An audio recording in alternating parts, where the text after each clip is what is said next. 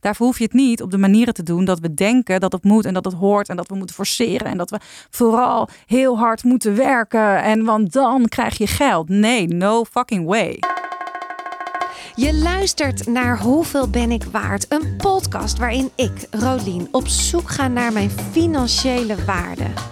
En deze week hoor je Marije Ellis Dijkstra. En deze aflevering heb ik opgesplitst in drie delen. Waarom? Omdat ik dat leuk vind. Nee, het leek mij handig. Maar vind je dat niet? Laat het me vooral weten. Marije is host van een van mijn lievelingspodcasts, de Op Zoek podcast. Ook heeft Marije, net als ik, bij Microphone Media gewerkt, maar zij ging toch sneller weg dan ik had gedacht. Het was namelijk tijd, echt tijd, om haar hart te gaan volgen. En te gaan doen waar ze goed in is. Marije geeft Human Design Readings. En wat is dat? Nou, ontzettend interessant. Je kan het zien als een soort blauwdruk die je krijgt bij je geboorte. Maar luister vooral naar de aflevering die de Op Zoek podcast erover heeft gemaakt. Niet nu, maar na deze afleveringen.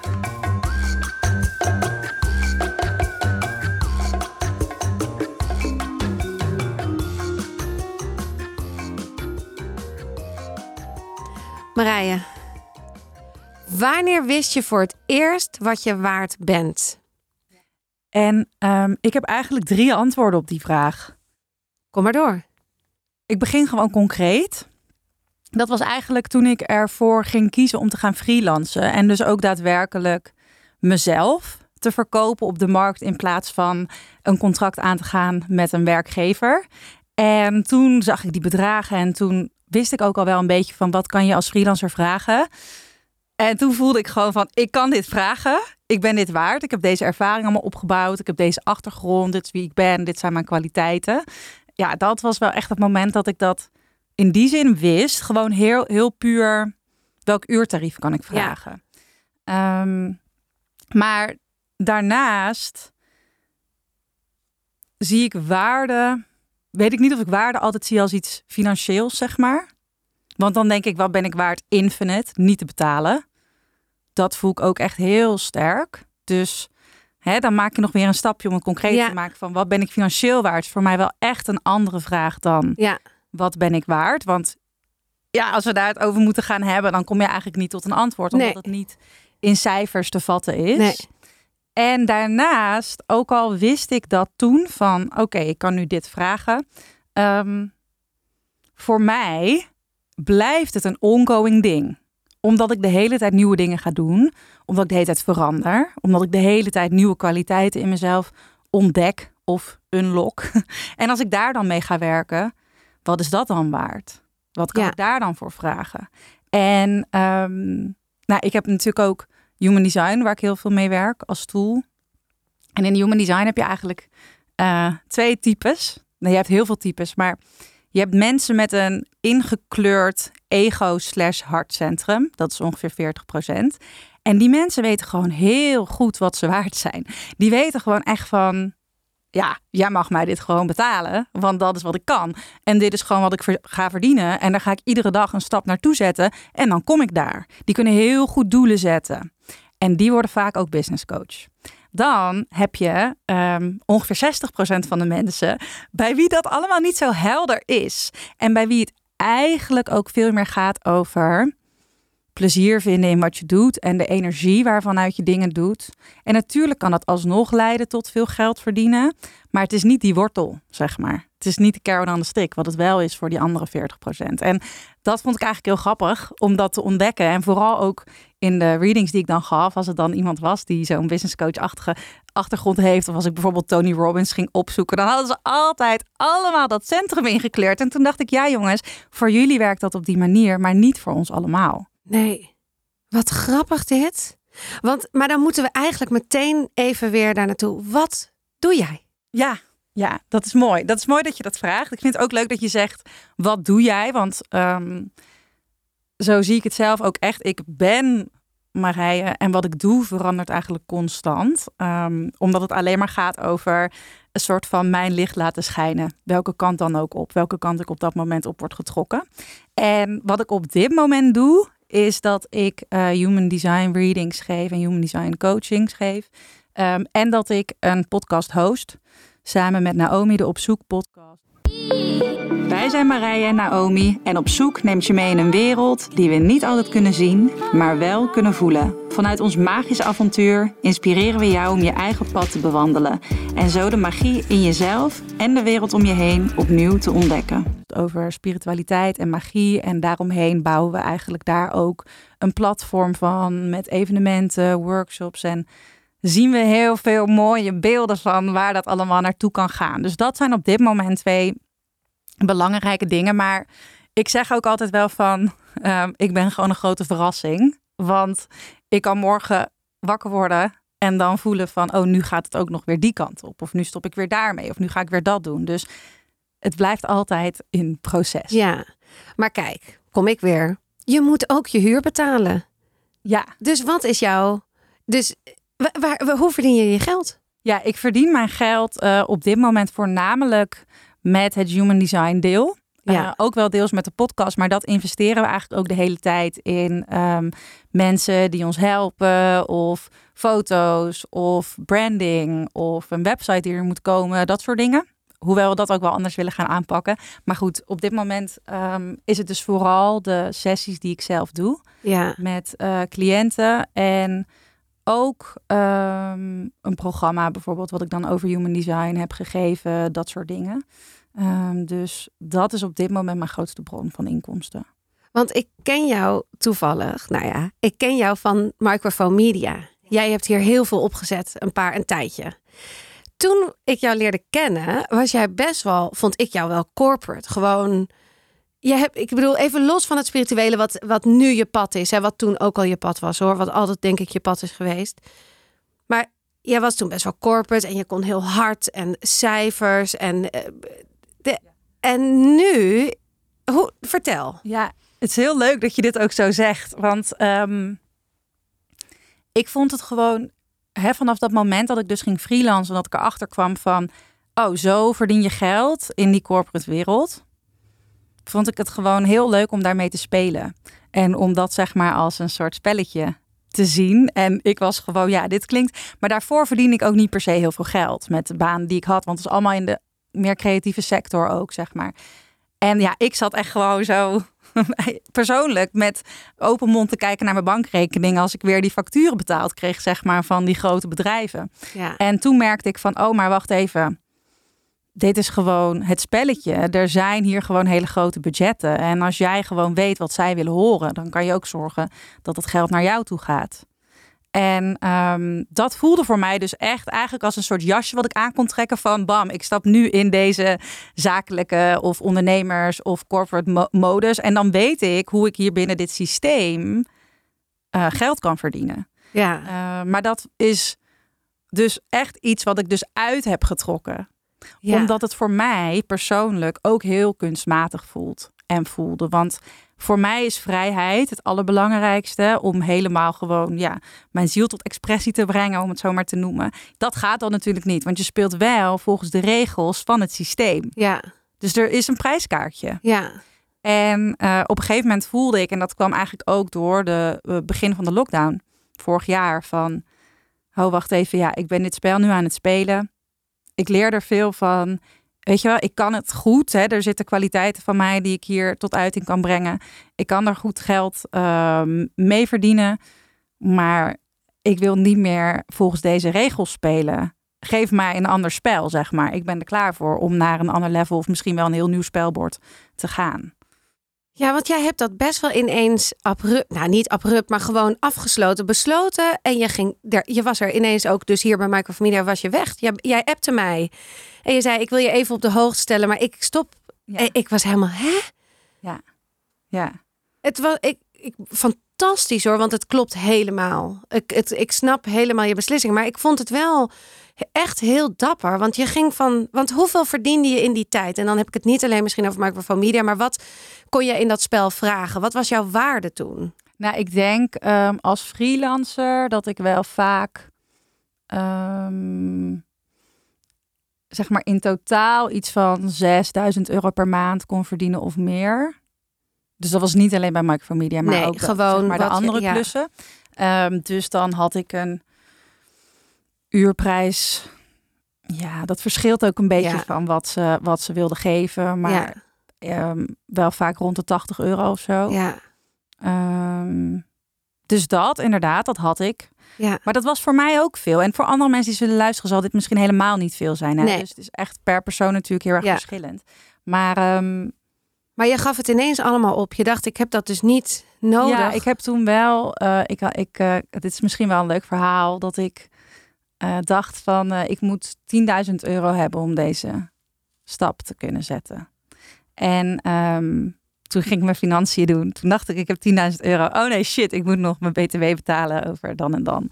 En toen eh, had ik iets van 7.000 euro over. En toen dacht ik, kan ik het nou doen? Kan ik hier nou naar luisteren? Het is niet die 10.000 euro die ik wel in mijn hoofd had. Dus toen ging ik de afwas doen en toen belde mijn moeder en die zei... ehm, oh ja, trouwens, eh, er is nog een eh, erfenis van oma, eh 3000 euro. We maken het vanavond naar je over. En toen stond dus die avond stond die 10.000 euro op mijn bankrekening. En dat was voor mij zeg maar de bevestiging van... ja, dit klopt. Ik mag hiermee stoppen. Wauw. En, en toen heb je dus meteen die dag daarna gezegd... Ja, Ik gooi het om. Ja. Ja, ja, en dat was pijnlijk. En dat is ook wel iets wat ik merk. Veel van die beslissingen, hè, waarbij ik voel van oké, ik mag naar mijn ziel luisteren, want ik wil dat volledig, volledig vrij zijn, die volledige expressie. Veel van die beslissingen zijn echt niet leuk Nee. en echt niet makkelijk. En er is daar ook heel erg een verschil tussen wat ik voel, emotioneel gezien, en wat ik weet. En ik weet dan, ik moet deze beslissing maken. Maar ik voel, ik wil niet daar weg. Ik heb het heel erg naar mijn zin. Ik weet je wel. ja, ik ben er goed in. Ik krijg hier waarde voor. Ik, ja. En, ja, en ook hè, naar anderen toe, et cetera. Dus dat is niet per se dan ehm, leuk Nee. om dat te doen. Maar ik heb dat daarvoor ook al een aantal keer gedaan. En op een gegeven moment weet je gewoon, dit is hoe het werkt. Ja. Dit is gewoon hoe het werkt. En ehm, daarin zit natuurlijk heel erg vertrouwen. En die vertrou- dat vertrouwen heb ik wel echt kunnen opbouwen de afgelopen jaren door eerst gewoon kleine stapjes, kleine zetjes, kleine experimentjes. Hè, daarin dus ook te zien als een spel. Van, oeh, wat als ik nu dit probeer? Of wat als ik daar vanaf spring? Wat gebeurt er dan? En met wat minder op het spel dan inderdaad van, ik zeg het allemaal op en ik moet van mijn Ja. spaargeld leven. Ehm, maar dat heeft me gewoon nooit teleurgesteld. En op een gegeven moment weet je dat, of wist ik dat. Ja. En dan weet je gewoon van, oké, op dit moment is het misschien pijnlijk, maar dit is wel wat klopt. Ja. En dan wil ik heel even, want ik hoor jou dus net heel mooi zeggen van ja, soms probeer ik het hier een beetje, een beetje daar en dan overal een beetje gewoon even voelen, kijken hoe dit. Zijn dat dan bewust? Doe je dat bewust? Durf je dat? Want heel vaak doen we onbewust dingen. Dat je wel probeert, maar het is allemaal onbewust. Be- Nee, voor mij is het wel bewust. Het is wel bewust. Dus het is bijvoorbeeld, stel, het is echt een heel simpel voorbeeld, maar stel ik heb niet op mijn bankrekening staan wat ik er eigenlijk op zou willen hebben staan. Maar ik voel wel heel erg van, ik wil, ik moet naar die plek toe. Ik moet een ticket boeken daar naartoe. Maar eigenlijk rationeel, en als ik mijn Excel-sheet zou doornemen en als ik het zou bespreken, dan zou je denken van, waarom zou je dat doen? Dat kan nu helemaal niet. En dan toch, en dan gaat het misschien eens over minder grote bedragen, maar dan toch bijvoorbeeld dat ticket boeken en wel twee weken naar Portugal op vakantie gaan. En dan dus merken als je daar zit van, oh, maar nu komen juist de aanvragen binnen. Of nu, weet je wel, ja. wordt het juist, dat zijn wel allemaal bewuste keuzes dan op zo'n Ja. moment eigenlijk. En dat is dan misschien, het zijn ook wel dingen denk ik die je al meer hebt besproken in deze afleveringen. Ehm, maar dat is dus eigenlijk mezelf betrappen van, oké, doe ik het nu niet omdat ik het eng vind en doe ik het nu niet omdat ik bang ben dat er tekort is. Oké, dan gewoon mezelf daarop challengen. Ja. Maar ehm, ik raad niet iedereen aan om, zeg maar, snap je, meteen die grote stappen. Je Nee. moet daar echt, je moet dat opbouwen. Ja. En bepaalde dingen moet je wel een beetje eh, check hebben, zeg maar, Ja. om dat goed te kunnen doen. Ja.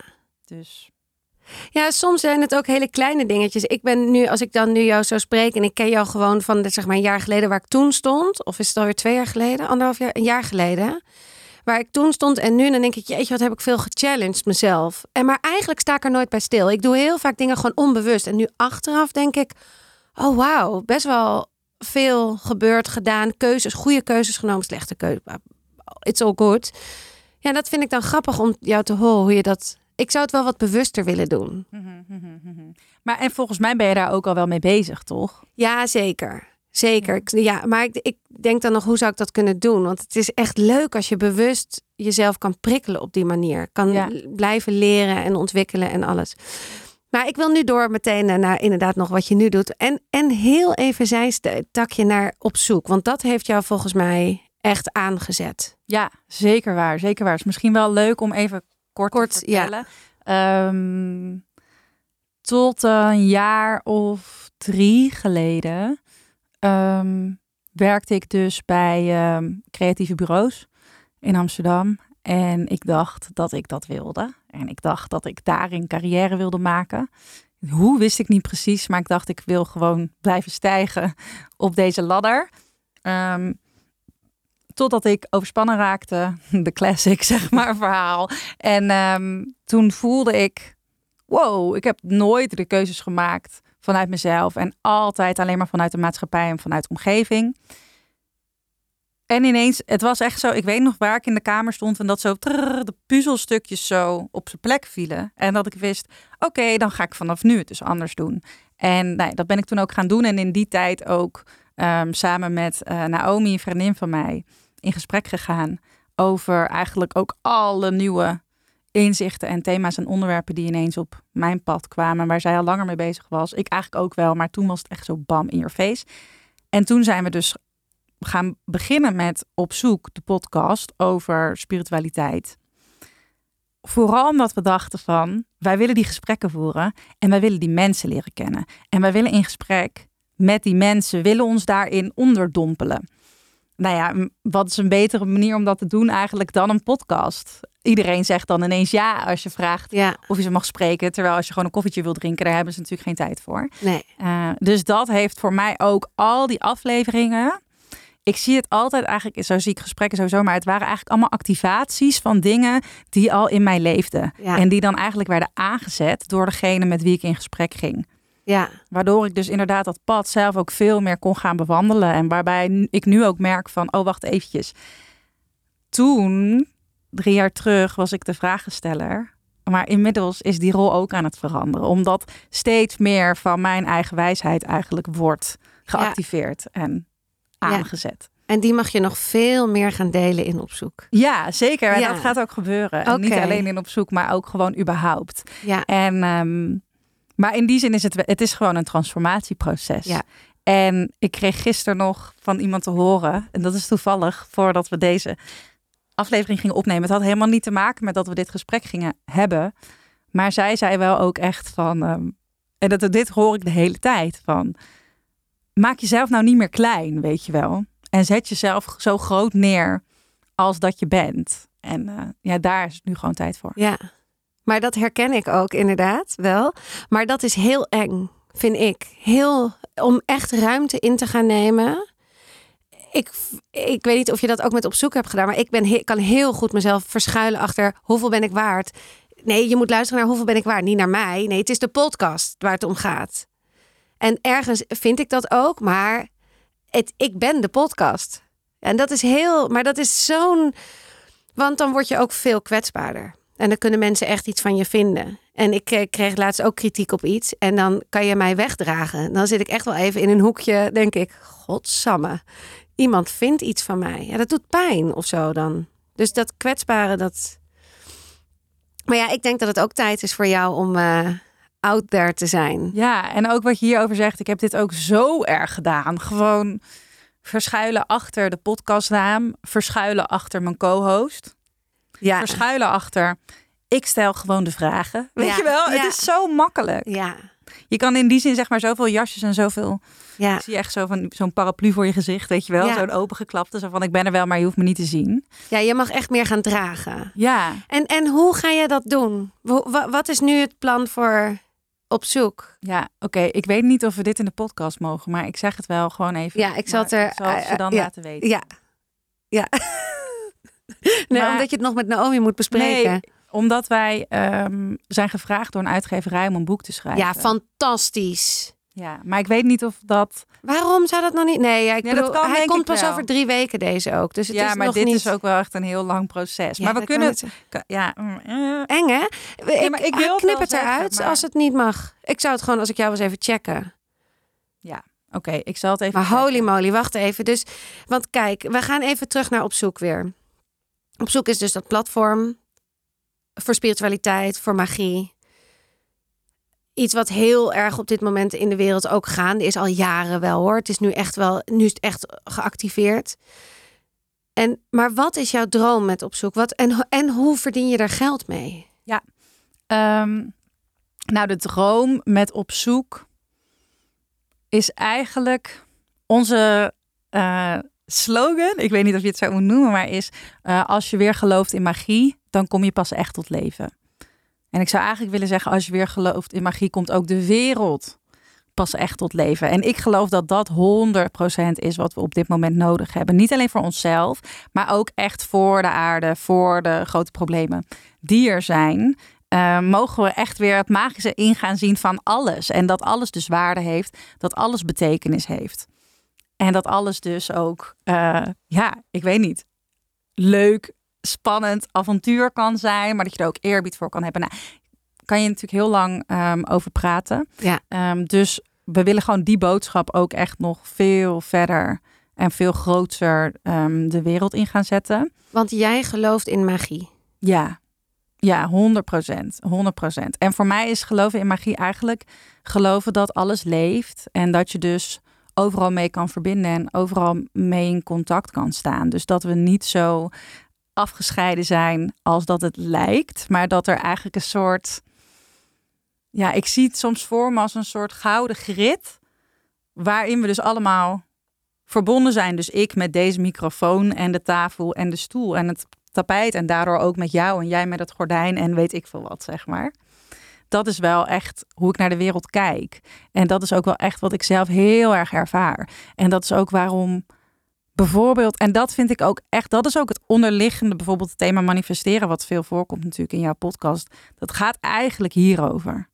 Het gaat er dus eigenlijk over dat je dus invloed kan hebben op zaken waarvan je zou denken, ik kan daar geen invloed op hebben als je puur alleen kijkt vanuit je ogen, zeg maar. Ja. Maar als je kijkt meer met je hart, of als je kijkt met je derde oog of whatever, hoe je het ook wil noemen, verandert de hele wereld. Ja, En zie je dingen dus ook ineens heel anders. ja. Maar het is, eh, magie blijft gewoon niet tastbaar. Nee, en daar gaat het dus ook over. En ik denk dat dat de grote uitdaging is ook. Van durf je te vertrouwen op jouw eigen waarneming en op jouw eigen gevoel en op jouw eigen ervaringen, zonder dat het wordt bevestigd door de buitenwereld. Zonder dat er iemand is die zegt: Ja, dat heb ik ook gezien, dat is zo. Of dat hebben we onderzocht en daar komt dit en dat uit. Ja, Durf je echt in die zin een soort van de autoriteit te zijn van jouw eigen ervaring en van jouw eigen leven? ja. Ja, ik denk dat dat heel lastig is. Ja, dat is het ook, omdat ehm, we niet in een systeem leven waarin dat ehm überhaupt wordt onderwezen, maar ook beloond. En dat, als we weer terugkomen op wat ik zei van een ander spel gaan spelen, dat is voor mij ook de reden waarom ik dat andere spel ben gaan spelen. Dus ik geloof wel namelijk dat het dus kan. Ja. Dat je zeg maar in magie kan geloven, op die manier naar de wereld kan kijken, echt verbonden bent vanuit je ziel, vanuit daar werkt en ook super goed gecompenseerd wordt. Daarvoor hoef je niet in dat systeem te passen. Daarvoor hoef je het niet op de manieren te doen dat we denken dat het moet en dat het hoort en dat we moeten forceren en dat we vooral heel hard moeten werken en want dan krijg je geld. Nee, no fucking way. Dat vind ik wel echt een keuze van oké, kies je er dus voor om die magie te zien en echt dat tot leven te laten komen en vanuit daar je in de wereld te bewegen? Of kies je ervoor om jezelf eigenlijk te laten opsluiten in een soort kooitje van dit zijn de mogelijkheden. Als je zo werkt, krijg je dit, et cetera, et cetera. Vind jij het niet heel eng om dit pad te gaan bewandelen? Ik vind het soms echt fucking eng.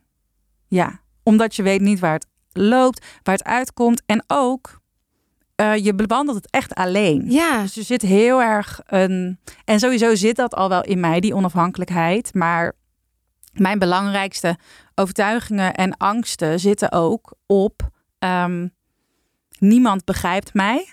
dus ik vind dat ook heel eng. Van, huh, maar als ik dan nog meer echt doorgeef wat er vanuit mij komt en mijn visie deel, dan is er meteen de angst van, maar niemand gaat dat begrijpen.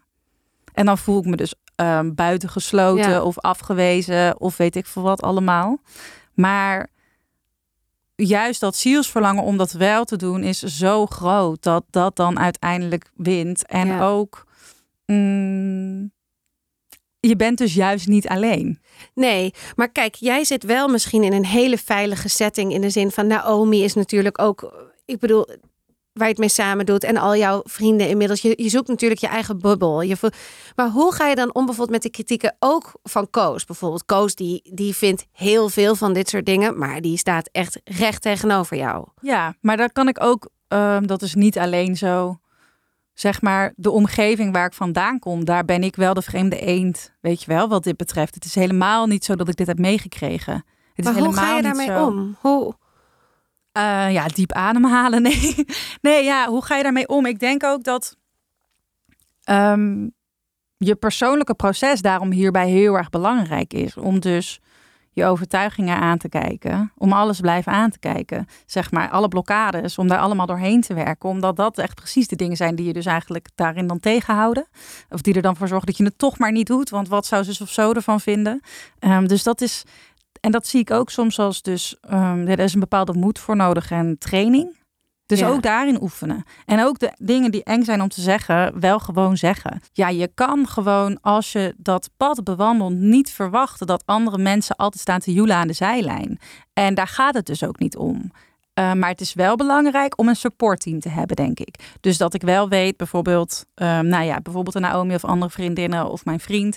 Als ik even denk van, ha, nu heb ik gewoon die bevestiging nodig, dat ik dat wel aan hun kan vragen. Maar in principe gaat het er voor mij wel echt om van, ja, um, in, in de basis zou ik alles uit mezelf moeten kunnen halen. Ja. Dus dat is dat, en dat moet je dus trainen. Of dat heb ik getraind, niet bewust. Maar als ik terugkijk, denk ik, oh ja, ja, dat was ik dus aan het doen de hele tijd. Ja. Alles wat Marije zegt komt bij mij binnen en is een feest der herkenning. Nou ja, een feest. Ik zit midden in dit proces dat Marije beschrijft. Ik ben ook heel erg op zoek naar mijn zielsverlangen. En eerlijk gezegd ben ik dat al mijn hele leven. Ik ben altijd al op zoek naar mijn passie. Dingen waar mijn hart een sprongetje van maken. En wat ik nu doe, de podcast, daar word ik echt heel erg gelukkig van. Ik ben ook helemaal klaar om steeds meer mijn visie te gaan delen. Om mijn ervaring en mijn verhaal te gaan vertellen. Want ik geloof dat we echt heel veel kunnen leren van elkaar. Ik ben ook dol op het uitspreken van dingen. Nou ja, dat weten jullie inmiddels wel. En dat we daarin kwetsbaar mogen zijn is ook helemaal oké. Want weet je, we vangen elkaar echt wel weer op. En ook terwijl ik dit allemaal zeg en inspreek, heb ik steeds meer zin om dingen te gaan delen.